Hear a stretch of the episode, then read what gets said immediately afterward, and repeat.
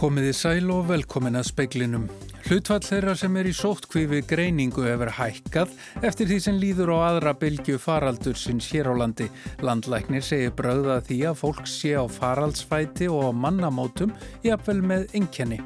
Þorstein Haldásson fekk í dag þryggja og hálsás fangelsi stóm fyrir kynferðisbrot gegn unglingspilti til viðbótar við fimm og hálsás stóm sem hann hafi áður fengið.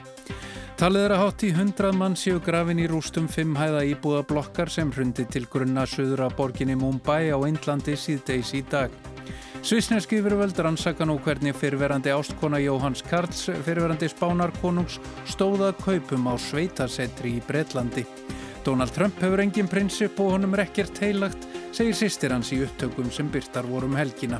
Líkt og fleiri lönd glíma bresk yfirvöld við staðbundin COVID-19 hópsmitt helsta viðfangsefni stjórnarinn að nú er að opna aftur grunn á framhaldsskóla en það mistókst í vor. Um sjónamaður speilsins er Pálmi Jónasson. Af þeim sem greinast með koronavirusmitt eru hlutfalslega mun fleiri í sóttkví nú en þegar önnur bylgja faraldur sinns hófst. Þá var aðeins um þriðjungur í sóttkví en nú er hlutfalli komið yfir helming.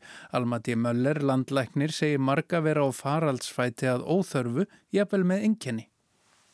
Það eru því miður bröða því að fólk er á ferðinni og jafnvel á mannamótum með enginni sem svo reynast vera COVID-19. Og eitt af mikilvægasta í því að hveða niður þessa bylgu, það er að fólk haldi sig heima ef það er með enginni, fari í sínatöku og haldi sig til hlýjast þar til niðurstaða er fenginum að ekki sé um COVID að ræða. Segir Alma. Fyrir helgina byrti Háskóli Íslands nýtt spálíkan fyrir faraldurinn sem gerir að fyrir að 1-6 smitt greinist á dag næstu vikurnar. Það er þó heilmikil óvisa í þeirri spá.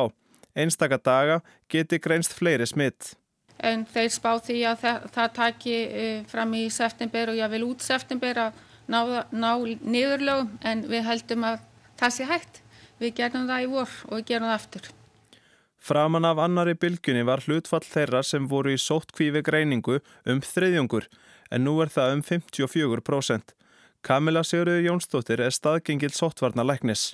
Það er mjög gott að núna erum við farin að sjá þá sem er að greinast hér innanlands þeir eru mikið til ísóttkví þegar þeir greinast.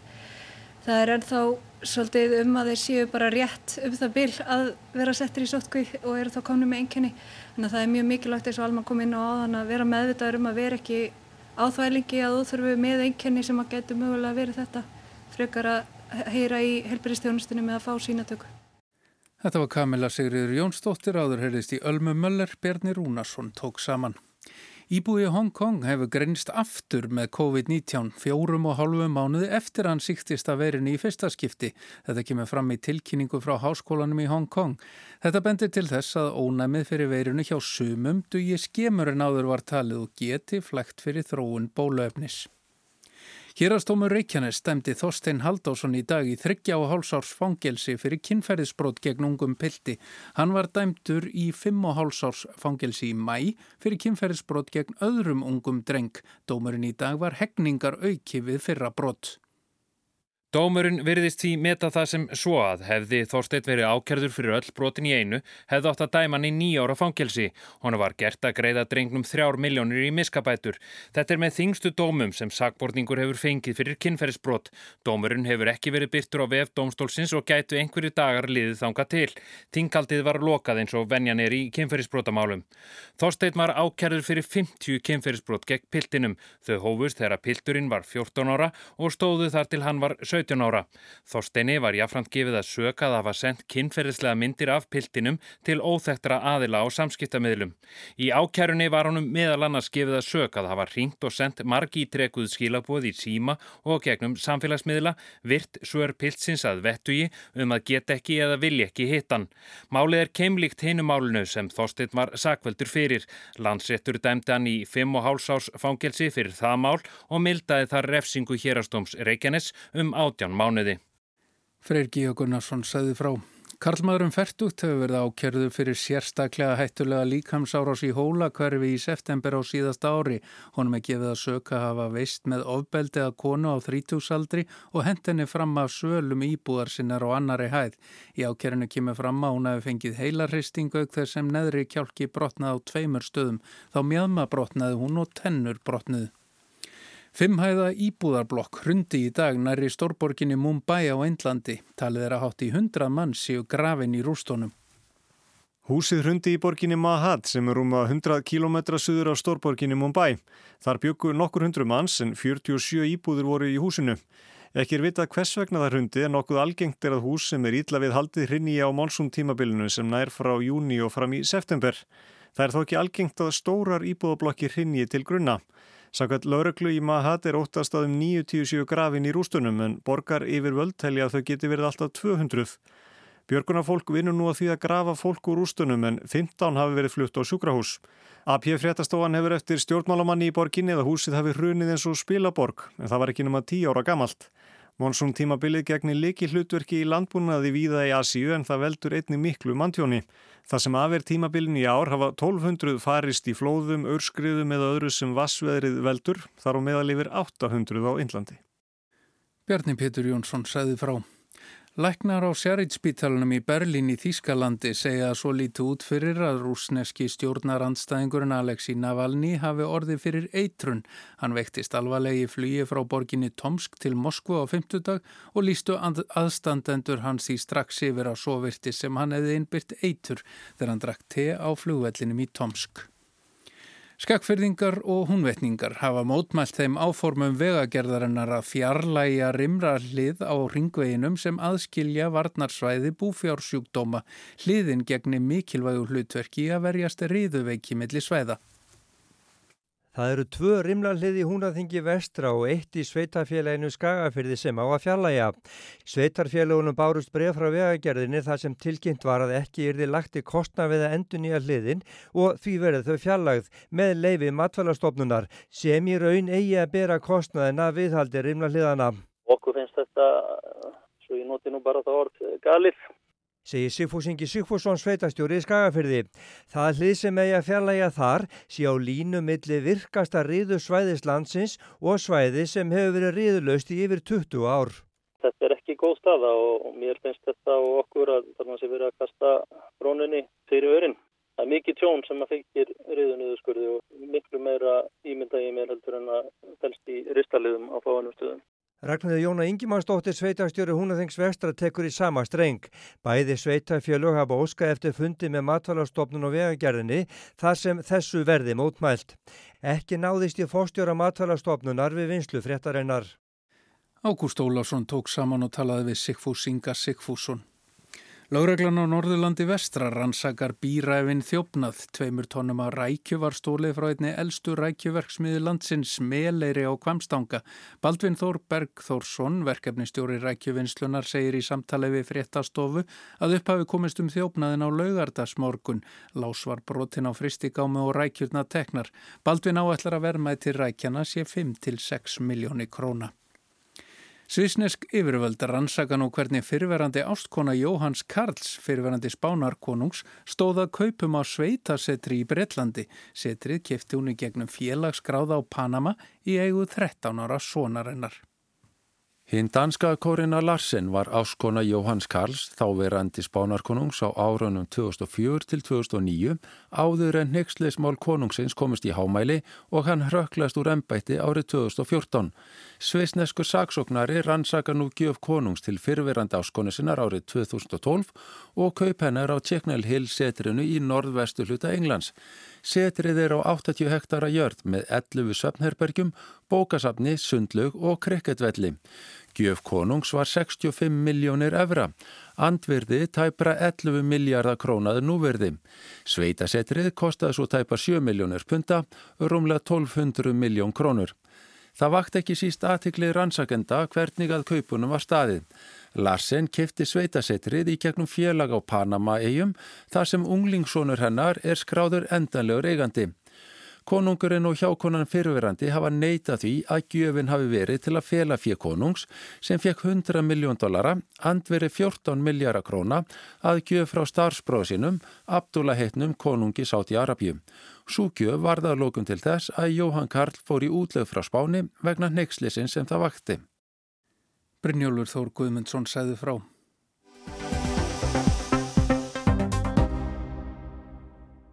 Donald Trump hefur engin prinsip og honum er ekkert heilagt, segir sýstir hans í upptökum sem byrtar voru um helgina.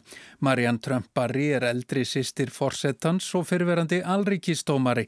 Hún gaggrinni bróður sinn harkalega og segir hann hugssjóna lausan með öllu. Hann hafa engin grunngildi og hugsi engöngu um sjálfan sig. It's goddamn tweet and the lie. Oh my God, I'm talking too freely, but you know. It, it, the change of stories, the lack of preparation, the lying, the holy Þessi djöfulsins týst forsetans og ligar á ligar ofan, segir sýstir hans í upptökunum sem byrtar voru um helgina. Hún segir að sögur hans taki stöðugt breytingum, hans er yðurlega tvísaga og alltaf óundir búin. Lígur endalöst segir hún og blótar svo hressilegi kjölfarið. Á öðrum stað segir hún að Donald Trump sé falskur lottari, grimdi nei sér engin takmörk. Donald Trump sé einfallega miskunalös og grimmur. Það var frænkennar Marie Trump sem tók leinilega upp 15 klukkustundir af viðtölum við sýstur Forsetans þegar hún var að undibúa útgáfu bókarum frænda sinn Donald Trump. Bókin kom út á dögunum og heitir Of mikið og aldrei nóg hvernig fjölskyldan skapaði hættulegasta mann veraldar. Upptökurnar eru frá því í fyrra og hitti fyrra. Í upptöku frá 2018 segir sýstirinn að hún hafi orðið æf þegar hún heyrði bróður sinn forsetan í viðtali á Fox sjómarstöðinni talum að hún yrði sett yfir landamæravörsluna þar sem börn voru skilin frá foreldrum sínum. Hún segist fyrirlíta aðgerðar hans. Trú að fólk ger ekki svona svíverðu en bætir því við að hann hafi verið með þessu að frið það í að kjarna kjósendur sínar. But he's appealing to the base, what they're doing with the kids at the border. Marianne Trump Barry er fyrirverandi alrikistómari og hefur meðalana stæmt í málum um innflytjendur. Hún fullir þeirra að Donald Trump hafi aldrei lesið um skoðanir hennar á málum innflytjenda. Eldri sýstir fórsetans fullir þeir reyndar að Donald Trump hafi aldrei lesið nokkurt skapaðan hlut. I, I drove him around New York City to try to get him into college. Marianne segist hafa reynd að koma Donald Trumpin í skóla en án árangurs. Í bókinni er fullist að með réttu hefði Donald Trump ekki átt að komast inn í skóla og aðrir hafi tekið intöku próf fyrir hann. Marianne fullir þeirra Donald Trump hafi ekki sjálfur tekið intökuprófið sem greiti honum götuna inn í háskólan í Pennsylvania. Í upptökum nafngreinir hún þann sem tók intökuprófið fyrir Donald Trump. Það hafi verið æsku vinnur hans Joe Sapiro sem nú er látin og því ekki til frásagnar. Eldri sýstir Forsetan segir að Donald Trump hafi borgað vini sínum fyrir að taka intökuprófið fyrir sig.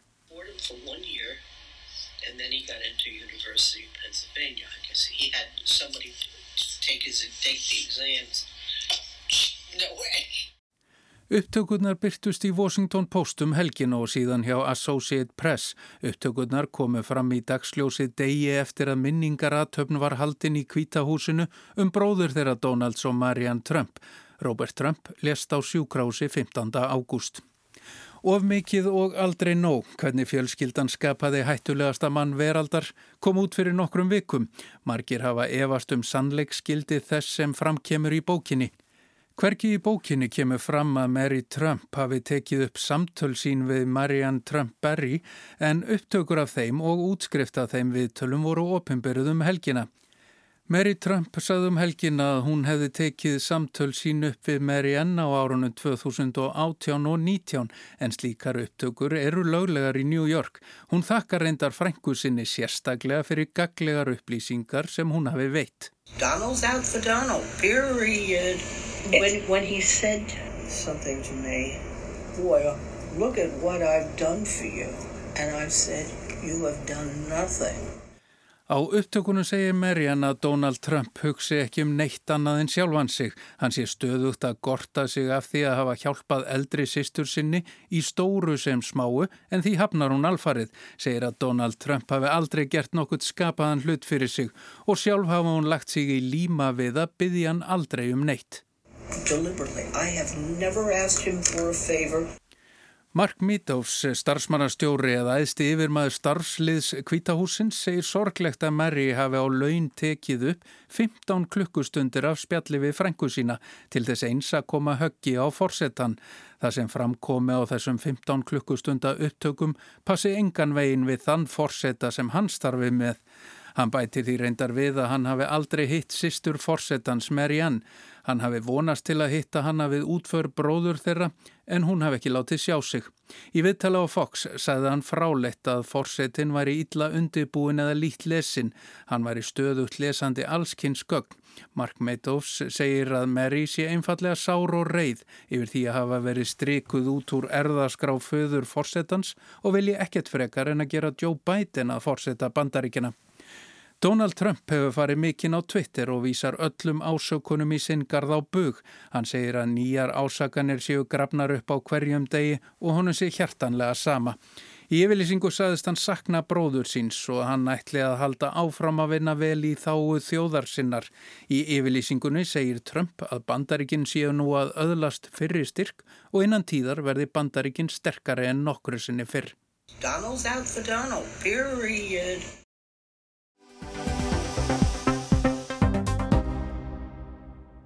Loftslagsbreytingar, hlínun jarðar og kórónuveiran eiga það sameigilegt að við þau þarf að fást á heimsvísu en tilneying er til þess að bregðast við á staðbundin hátt og innan landamæra. Clemens Fúst, takfræðingur og fórseti alþjóðastofnar um ofinber fjármál hefur ráðlagt þýsku ríkistjórnum viðbröð við kórónuveirufaraldrinum. Stofnuninn stóð nýlega fyrir ráðstefnu um loftslagsbreytingar og náttúruauðlindir í samstarfi við Háskóla Íslands. Þau mál hafa ju verið verið í hámæli undanfarn ár en deilt um hvernig miðar likillað árangri er samvinna á alþjóða vísu, segir Fúst.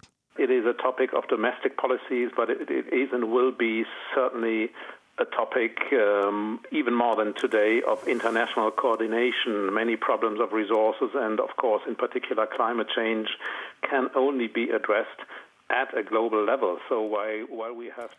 Hættan sé svo að í stjórnmálum líti menn sér of nærri. In our political processes we concentrate, we focus too much on domestic issues because they can be addressed more easily. Of mikil áhersla sé lögð á innanríkismáli í stjórnmálum því auðveldara sé við þau að eiga. Vandamálinn sem við blasi verði samt ekki leist nema með samstarfi á milli ríkja. Fúst segir að sem betur fer séða líka þannig að stundum takist að mjaka málum í rétt átt. Ríkistjórnir verði að leggja meira til lofslagsmála og leggja meira á sig til að ná sátt á alþjóða vettvangi. Þessa dagana glíma stjórnvöldum allan heim við afleðingar kórónuveiru faraldursins og svo virðist sem svo vá hafi á margan hátt orði til þess að auka nærsýnið þeirra. Viðbragðið hefur jú víða verið til dæmis að hamla för fólks, nánast loka landamærum til að verja eigin íbúa og hefta framgang pestarinnar.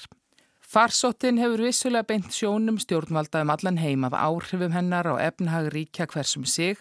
Hún hefur líka orðið til þess að minni gaumur er gefin að umhverfismálum öðrum brínum vanda. Þó vil fúst meina að þegar kemur að því sem blasir við stjórnvaldum allstæðar, það er hvernig eigi að örfa og íta undir hagvöxt á samdráttartímum, þá geti fjárfestingar sem tengjast umhverfismálum orðið ofarlega bögi. Ríkisafskipti aukist á krísutímum, áhrif þess ofinbera á markaði og fyrirtæki séu gríðarlega nú. Fyrirtæki reyði sig á styrki og lán frá einu ofinbera og launamenn jafnvel á bætur.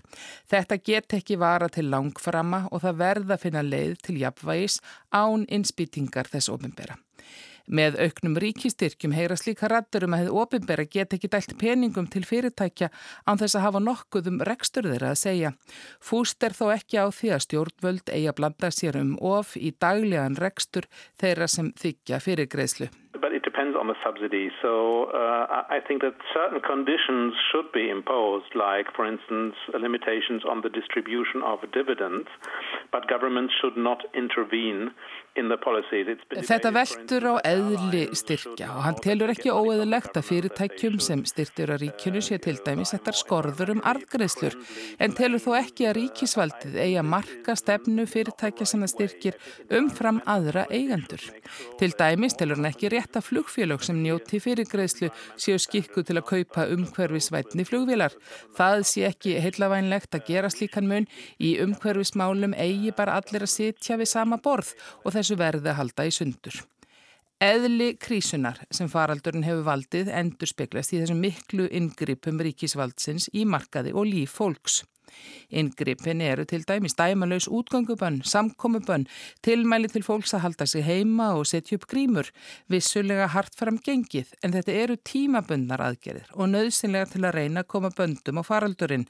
Hann og fyrri farsottir hafi kent okkur þá leksju að það er ekki bara hægt að hunsa þér og vona efnagskerfi standi veiruna af sér. So we need to rein in uh. Við verðum að ná stjórn á veirunni og faraldrinum án þess er vonlítið að efnagskerfi jafni sig, segi fúst, en um leiðarljósta yngrippin eru tímabundin. Vandin auðvitað sáum en vit ekki hver lengi ástandið varir, þó augljósta það verður ekki sársöka laust að draga úr aðkomu þess ofinbera. Núverandi ástand getur ekki vara til lengdar. Það hvað þó hefur tekist að halda í horfinu víða byggist á mikillir lántöku þess ofinbera og hún gengur ekki til frambúðar sig fúst. Tímasetning skiptir miklu. Það þarf að finna réttu stundina til að draga úr ríkistöðningi en það er ekki auðvelt að finna hana. Allt veldur á framvindu farsóttarnar sem er ekki ljós. Það líti svo út í augnablikkinu segir hann að þið versta sé að baki en yfir vofið þó önnur bylgja. Við henni gæti þurft að beregðast með frekari lokunum og takmörkunum sem kalla þá aftur á meiri ríkisaðstóð. Vonin séu þetta svo að stjórn áist á faraldrinum með viðbröðum, með auknum skilningi og eðli veirunar, betri lækningu og svo finnist bólefni. En eins og framöfu komið þá hefur ekki endilega gengið vel að ná samstöðumilli ríkja í baráttu við kórnveiruna, sumir segja það merkjum bresti hjá alþjóðastofnunum og í samstöðunni. There are people saying that global cooperation uh, has not worked in this pandemic and that um, Uh,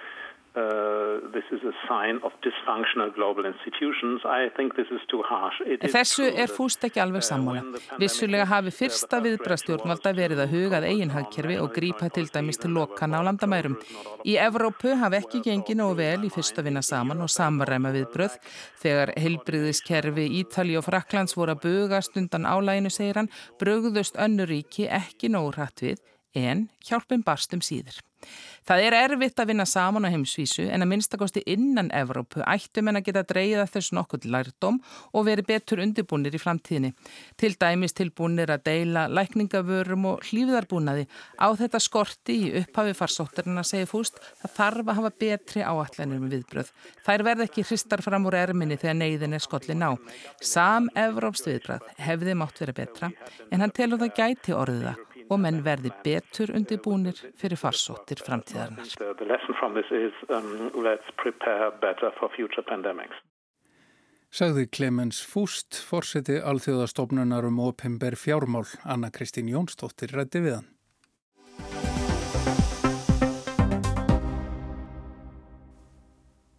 Fjöldi nýra COVID-19 smitta í Breitlandi hefur hangið í kringum þúsund á dag í tæpa tvo mánuði. Smittin hafa verið staðbundinn og tekið á þeim með staðbundnum samskiptatakmörkunum. Nú þegar skóla árið er að byrja er eitt helsta viðfangsefni ríkistjórnarinnar að sjá til þess að skólar takja eftir til starfa, nokkuð sem mistókst í vor. Framvinda veiru faraldursins í Breitlandi fylgir svipuð minstri og annar staðar, smittin ekki horfið en hangið först í kringum þúsund tilfelli á dag. Ekki hátala í landi með 60 miljón rýbúa en nóg til að skapa gróðrastíju hópsmita við ákveðnar aðstæður. Smitin eru engum af tvennum toga í kringum vinnustæði þar sem fólk vinnur í návíi gjarnan við matvælaframlegslu, til dæmis í eftirrétta versmiðu bakkavarar í Nottinghamskýri sem glýmir við hópsmit um þessar mundir og svo smit á skemmtistöðum og krám og eins og Íslandu og víðar mest ungt fólk sem smitast. Í Englandi sæta nú fimm svæði hertum takmörkunum í norður Englandi og í kringum Lutonflugvöll í nákrenni höfuborgarnar. Skotar glíma líka við staðbundin hópsmitt, nú síðast í skóla í Dundee, 17 kennarar smittaðir og skólinn í sótkví næstu tvær vikurnar. Það var strax ljóst í vor þegar veiru tilfellum fór fælkandi að þar með væri veirusagan ekki öll mætti eiga vona á frekari smittum. Það láð þá þegar í loftinu að aðeins í ítröstu neyð yrði Breitlandi öllu aftur lokað eins og var í mars og april. Staðbundnar aðgerðir væru lausnin, smittrakning þá líkilatriði. Mæ var mánuður stóra lofarða um veiruvarnir. Þann 10. mæ saðist Boris Jónsson fórsætsáð þeirra nokkuð vissum að strax 1. júni byggju breytar ekki aðeins við rakningakerfi heldur heimsins besta rakningakerfi. we have a growing confidence uh, that we will have a test, track, and trace operation uh, that will be world beating. And yes, it will be in place. It will be in place by June the 1st. Það er skemst á því að segja að kerfið er ekki enn tilbúið. Ímsir hafa bent á að breytar þurfi ekki endla besta kerfi heimi, dýra það virki. Nú er því lofað að rækningakerfi verði til reyðu í oktober.